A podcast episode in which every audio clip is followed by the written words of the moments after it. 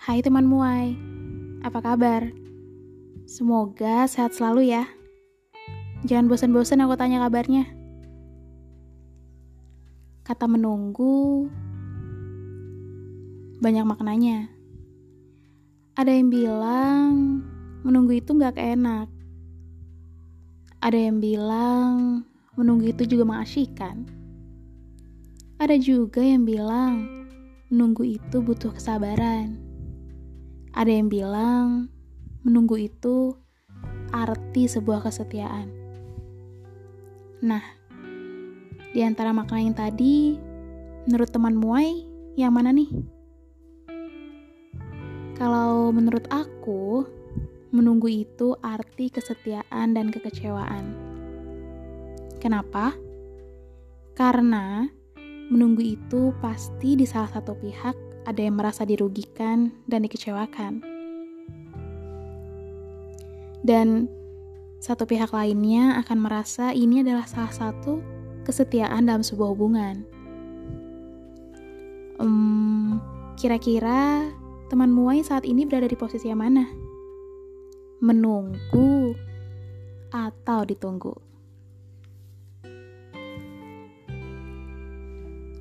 Kalau lagi di posisi menunggu, mungkin teman muai bakal bilang, menunggu itu gak enak, bahkan menyiksa batin.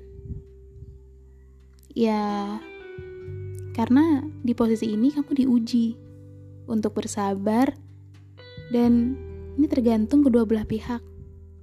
Jangan sampai di tengah-tengah lagi menunggu, ada yang lebih dulu menjemput dan akhirnya di salah satu pihak ada yang merasa dikecewakan.